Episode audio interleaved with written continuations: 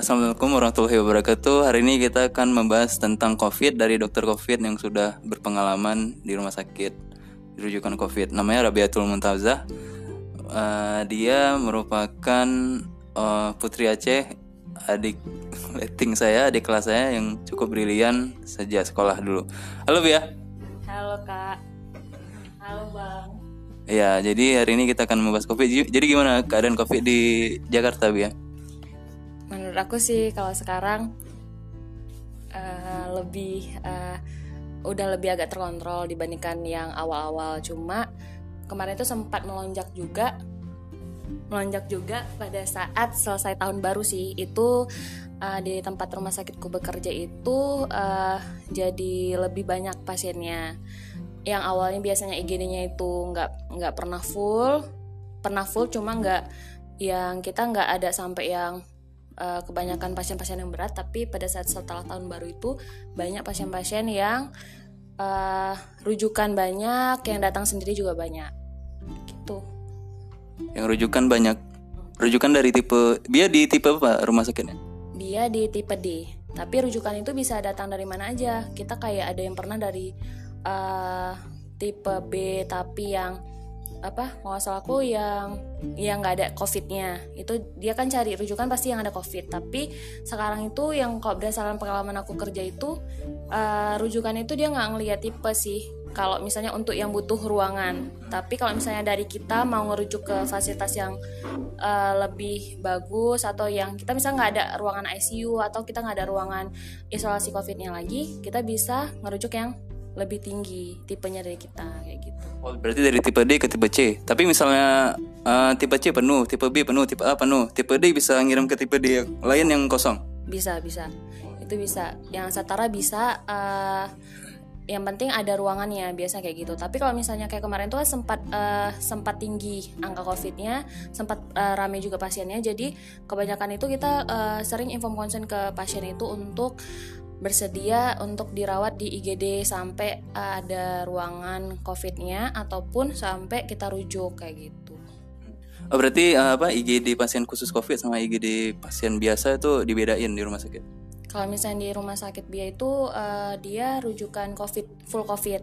Jadi kalau misalnya uh, ada kan ada beberapa rumah sakit lain yang ada memfasilitasi itu yang uh, COVID sama non COVID. Jadi misalnya pasiennya kira-kira misalnya masih ambigu nih, dia belum uh, positif juga, misalnya masih suspek atau probable, itu biasanya kita kalau kita emang nggak ada ruangan ya kita mau nggak mau kalau nggak nggak dapat rujukan ya kita rawat di IGD. Tapi itu sesu apa uh, tunggu persetujuan dari keluarga pasien. Tapi kalau misalnya enggak, uh, kita cari rujukan.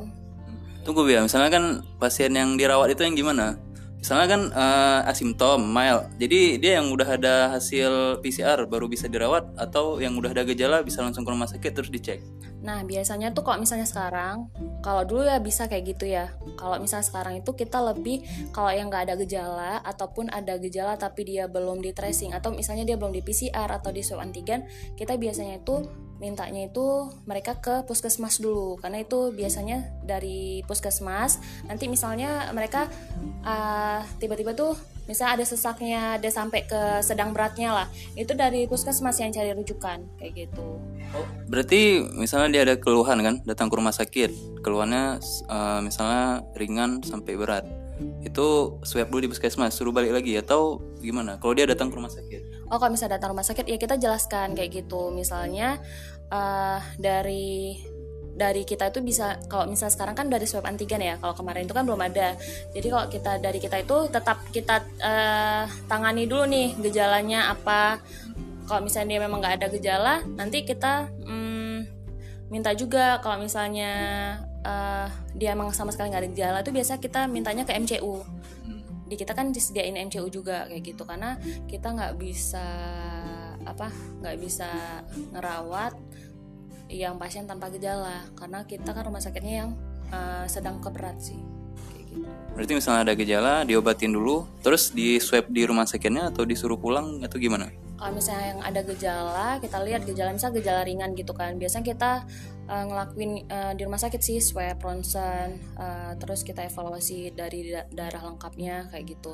Jadi nanti kita tanyakan juga kepada pasiennya dia itu bisa isolasi mandiri atau enggak. Kalau memang nggak bisa kalau misalnya bisa ya dia tinggal tunggu hasil uh, kita minta isolasi mandiri di rumah sampai keluar hasil swab misalnya hasil swabnya udah ada keluar nanti dia bisa balik lagi ke rumah sakit kita tapi konfirmasi dulu untuk kita lihat uh, apa untuk kita lihat ada ruangan atau enggak ataupun kita minta dia setelah ada hasil swab dia bisa ke rumah ke puskesmas yang terdekat sama dia dulu. Jadi dari puskesmas itu yang nanti minta rujukan. Takutnya kan kita nggak bisa menjanjikan itu kepada pasien di rumah sakit kita gara-gara kadang kita nggak bisa lihat berapa perlonjakan pasien itu. Jadi kadang rame kadang enggak kayak gitu kan gitu. Biasanya sih uh, tapi pasien-pasien udah mulai ini ya mulai bisa kayak mereka tuh lebih kayak lebih lebih apa ya lebih udah lebih menguasai tentang covid ini. Jadi mereka tuh udah prepare dari rumah. Misalnya mereka dengan hasil swab positif kayak gitu mereka nelfon dulu ke rumah sakit kayak gitu. Oh jadi udah sadar ya orang-orang Jakarta udah mulai sadar ya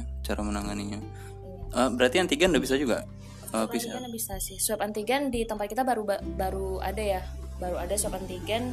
Uh, maksudnya kalau positif antigennya pasiennya bawa itu bisa dirawat walaupun tanpa PCR bisa. Tapi uh, jadi uh, kita tapi tetap ini tetap uh, kasih tahu ke pasien inform konsen juga kalau misalnya uh, pasien itu kan kalau misalnya dengan swab antigen positif dia kan masuk ke probable. Jadi uh, misalnya kita lihat ruangan kita tuh nggak ada yang probable tapi kita bilang uh, atau apa kita info konsen mau nggak digabung sama pasien yang confirm. Karena kan sebenarnya kalau misalnya dari peraturan terbaru itu kan kalau misal swab antigen positif itu udah masuk ke confirm. Tapi kan kita masih belum menerapkan itu kayak gitu. Jadi masih kita angkat ke probable kayak gitu. Oh berarti di ruangan di rumah sakit itu ada ruangan probable ada ruangan confirm covid. Cuma dua itu aja tipenya? Iya tapi ya lihat dulu kalau misalnya pasien awal yang kita lihat nih ruangan pasien misalnya yang udah diisi dengan probable kita tuh nggak uh, campur dengan confirm. Tapi kalau misalnya nggak ada ruangan probable nanti kita inform konsen ke keluarga pasien kalau misal atau ke pasiennya kalau ini tuh kita nggak ada ruangan probable. Jadi harus uh, mau nggak mau kita mau gabung ke confirm. Itu mau nggak? Tapi tetap semuanya itu kita balikin lagi ke ke pasien sama keluarganya tetap kita inform konsen kayak gitu. Yang disebut probable yang positif antigen, terus yang belum ada hasil lab tapi udah ada gejala bisa disebut probable. Bisa sih, suspek jadinya. Bisa juga uh, kadang kita buatnya uh, suspek COVID-19 dengan gejala ringan atau gejala sedang kayak gitu. Jadi itu sebenarnya nanti urusannya kan untuk ini, sorry untuk apa? klaim-klaiman juga kalau misalnya kalau misalnya tanpa gejala itu emang kita nggak mau diklaim kayak gitu Berarti yang uh, dirawat di rumah sakit Bia yang gejala apa aja tadi? Kan ada gejala yang sedang sedang sampai berat biasa. Sedang sampai berat. Oke. Okay. Ringan juga ringan juga, tapi kita prioritasnya itu sedang ke berat. Kalau misalnya ringan uh, ringan kan banyak ya misalnya kayak batuknya batuknya terus-terusan nggak sampai kesesakan kalau misalnya sedang itu udah mulai saturasinya turun uh, dengan sesak misalnya kayak gitu. Kalau berat kan udah butuh oksigen tinggi kayak gitu. Gitu sih masih bisa dirawat. Tapi yang kalau misalnya tanpa gejala sih agak susah ya. Kayaknya nggak bisa dirawat. Kalau tanpa gejala isolasi di rumah aja. Nah isolasi di rumah tuh maksudnya gimana? Nah, isolasi mandiri di rumah itu biasanya kan kalau dulu itu kan 14 hari. Nah, kadang-kadang tuh misalnya uh, sampai sekarang sih masih pakai 14 hari. Cuma uh, misalnya pasiennya datang nih dia belum ada swab belum ada apa cuma dia masih ada gejala ringan tapi dia bilangnya pengen isoman atau isolasi mandiri. Jadi nanti kita tetap buat di surat isolasi mandirinya itu 14 hari cuma nanti kita terangkan ke pasiennya jangan uh, di follow up lagi ke rumah sakit untuk hasil swab. Kalau misalnya hasil swabnya udah keluar dengan positif ya berarti dia batas isomannya uh, kalau uh, sampai 14 hari juga cuma kalau misalnya dalam 14 hari itu ada gejala dia tetap kita suruh ke uh, puskesmas. Atau kalau misalnya tiba-tiba dia ada sesak berat segala macam langsung ke rumah sakit kayak gitu. Yang disebut apa uh, apa tadi namanya? Yang isolasi mandiri itu dia yang misalnya yang yang dia asimptomatik tapi dia ada terpapar gitu sama yang positif. Itu disebut isolasi mandiri. Uh, itu kalau misalnya dia dia itu berarti kan kalau misalnya kayak abang bilang itu kan berarti dia kontak erat kayak gitu kan. Nah kontak erat itu boleh kita tetap uh, kalau yang nggak ada gejala kontak erat terus misalnya dia juga udah melakukan swab atau swab PCR atau antigen dengan positif ya tetap kita utamain ya isolasi mandiri kayak gitu. Karena kan kasihan juga kalau misalnya dia nggak ada gejala nggak ada kenapa-kenapa tapi dia bisa isolasi mandiri di rumah kita rawat kan malah digabung sama yang confirm kayak gitu. Jadi ya kita sarankan bisa nggak isolasi mandiri di rumah? Ya kita edukasi lah. Setidaknya dia punya ruangan sendiri terus makan makan sama minumnya atau uh, dia menggunakan alat-alat makan minum itu ya dipisah untuk dia sendiri kayak gitu. Tetap pakai masker tetap jaga protokol kesehatan kayak gitu. Nah ini kan uh, ini kan udah lima bulan ya biar jadi dokter covid ya. Nah jadi kan uh, kalau kita lihat di berita kan uh, covid ini kan makin di Jakarta makin penuh rumah sakit kan sampai nggak nggak tercover lagi. Nah gimana menurut Bia di rumah sakit Bia tuh gimana keadaannya? Terus mungkin bisa diceritain pengalamannya dan mungkin saran untuk masyarakat. Jadi kalau misalnya di rumah sakit uh, tempat aku kerja sekarang, kalau sekarang sih uh, udah agak menurun. Aku nggak tahu ya menurunnya itu gimana. Cuma kalau misalnya pasien tetap berdatangan, uh, ruangan tetap full sih cuma eh, nggak uh, sampai yang kayak se yang selesai tahun baru itu yaitu emang berasa banget. Soalnya di IGD itu sampai full. Kita sampai ngerawat pasien-pasien yang sedang sedang berat tuh di rumah di apa di IGD biasa kan kita langsung ada ruangan kayak HCU ada ICU ada kayak gitu. Jadi wait HCU ICU bedanya di mana? Pasiennya kapan ditaruh di HCU kapan ditaruh di ICU nah kalau misalnya di aku tuh kriterianya sih agak-agak beda tipis ya. Cuma kalau misalnya pasien-pasien dengan venti udah pasti di ICU kalau misalnya pasien dengan optiflow uh, penggunaan optiflow udah mentok misalnya 60-90 itu juga udah masuk ke ICU juga. Kalau di HCU yang masih sesak berat tapi masih bisa pakai optiflow yang nggak maksimal sama yang biasanya itu yang kalau kan kita nanti pasti ada winning sampai pemakaian NRM kayak gitu. Itu masih di ini sih masih di HCO kayak gitu. Kan Bia ini udah lima bulan nih. Tiap hari berarti nangani pasien covid pakai APD level 3 kan? Nah itu gimana uh, apa keluh kesahnya mungkin panas atau? Ya sih kalau misalnya kalau misalnya di rumah sakit kan dia di, di IGD-nya ya. Di IGD itu kan full pakai uh, eh, APD. Ya itu ya. Kalau kesannya ya pasti kita ya tahan makan kayak gitu kan. Kita nggak bisa sembarangan apa kita nggak bisa sembarangan buka APD apalagi ya kalau ada pasien yang masih kita rawat di IGD gitu. Walaupun sih dipakai walaupun dipakein dekontaminasi maksudnya setiap ada pasien masuk keluar kan pasti de di dekon kan cuma ya tetap kita jaga lah kayak gitu. Jadi misalnya baru mulai jaga masuk jaga mandi dulu atau gimana dulu? Uh, apa algoritmanya sampai selesai jaga ya beda ya kalau misalnya dari kalau misalnya IGD kalau di IGD itu aku tetap kita kita nanti gak, pas nyampe itu kita ganti pakaian dulu dengan pakaian pakai scrub itu baju baju jaga. Terus baru kita prepare ambil APD APD kita ada di lantai dua kan. Jadi kita di lantai dua tuh kita udah prepare pakai APD lengkap. Terus kita baru turun dari baru turun ke IGD itu lewat uh, yang zona merah sih kayak gitu. Jadi kita nggak campur zona merah sama zona hijau kayak gitu kan. Jadi kita lewat biasanya tuh kalau misalnya di rumah sakit kan lewat lift belakang kayak gitu langsung ke IGD nah ya udah terus nanti operan terus berarti uh, tempat kita masuk sama tempat jadi dibedain ya zona zona pasien yang positif sama yang zona biasa gitu ya.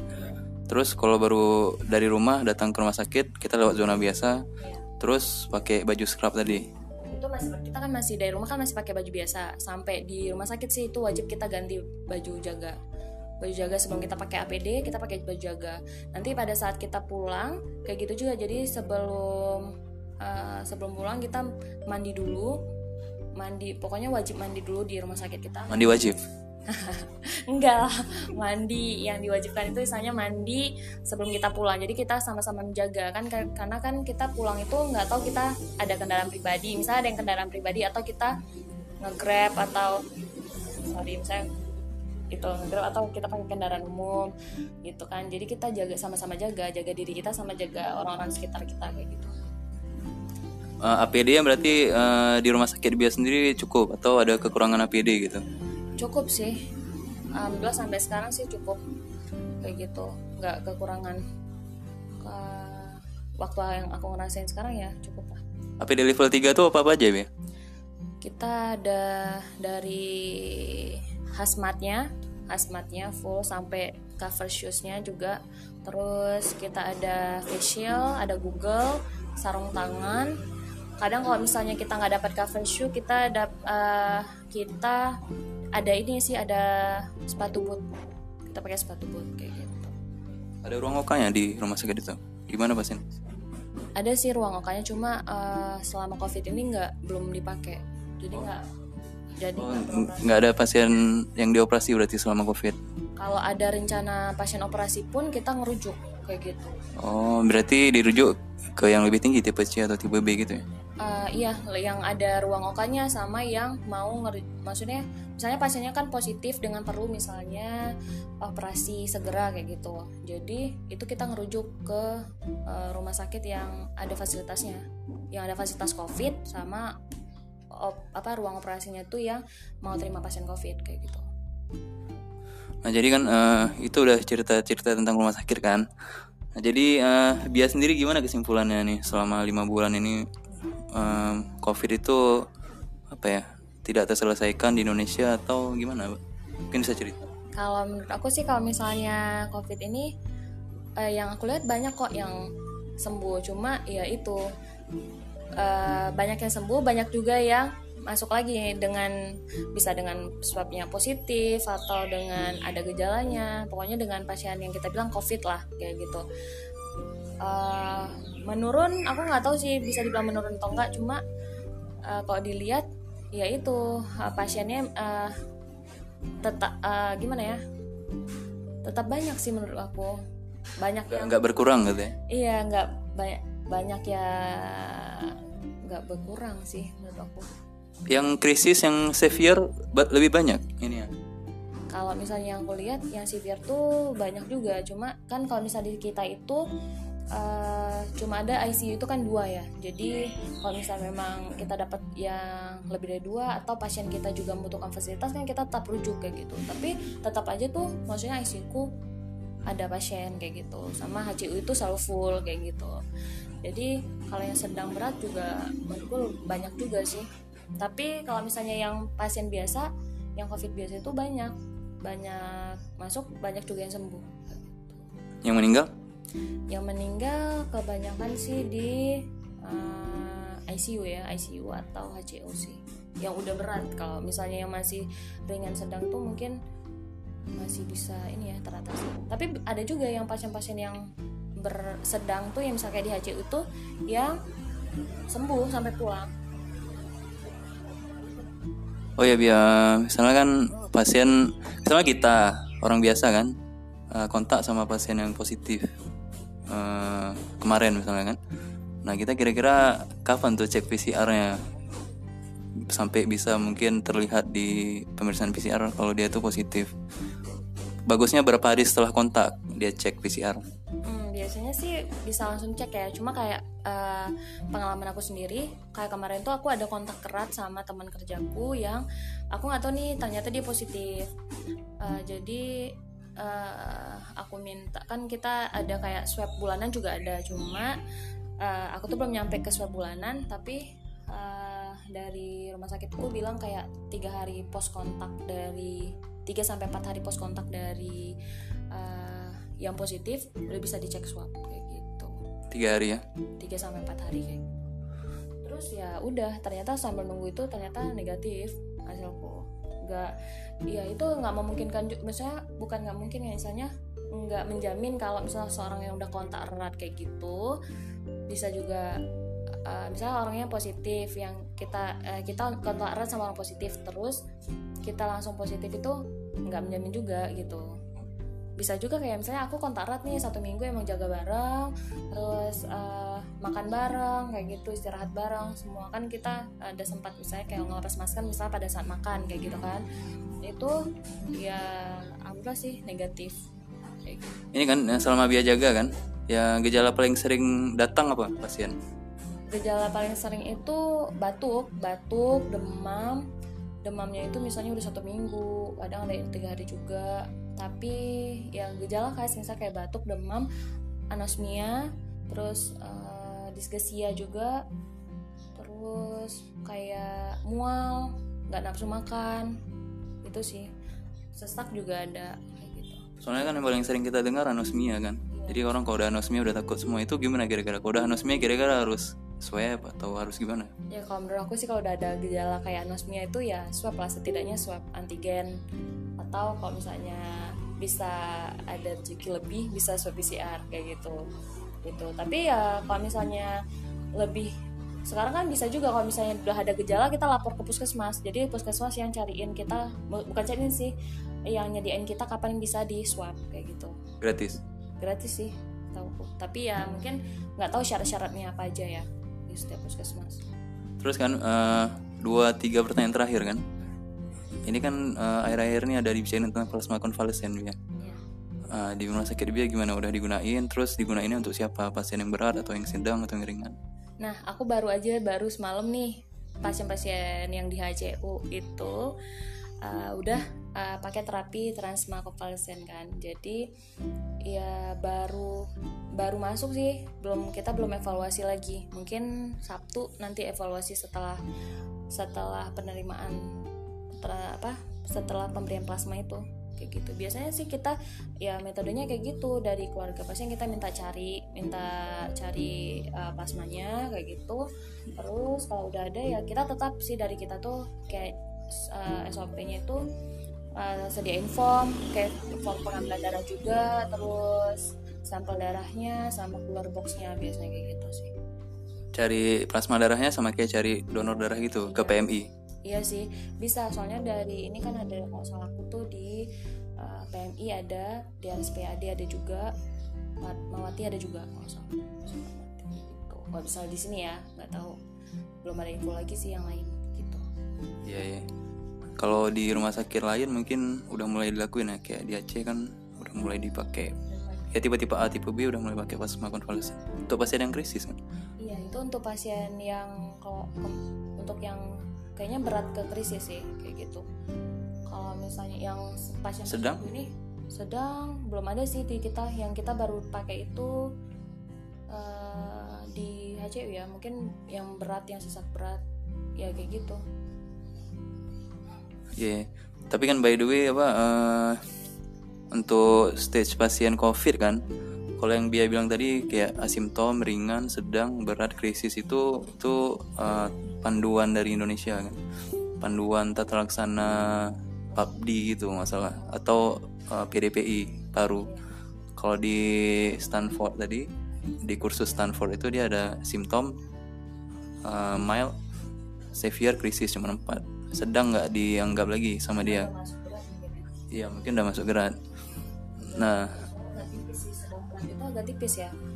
Kayak sedang kayak sesak sesak awalnya. Misalnya dia sesaknya dengan saturasi sesak misalnya sesak berat nggak sesak berat. Misalnya sesak dengan uh, kita lihat juga dengan pemberian uh, pemberian oksigen berapa liter. Dia bisa teratasi nih saturasinya sampai 99 100 persen. Ya mungkin itu masih masuk sedang. Tapi kalau misalnya udah berat mungkin udah pakai oksigen tinggi kayak Optiflow atau kalau misalnya udah krisis tuh mungkin sampai ke ini kali ya intub ya. Saturasi yang dianggap apa ya dianggap perlu tindakan tuh berapa persen?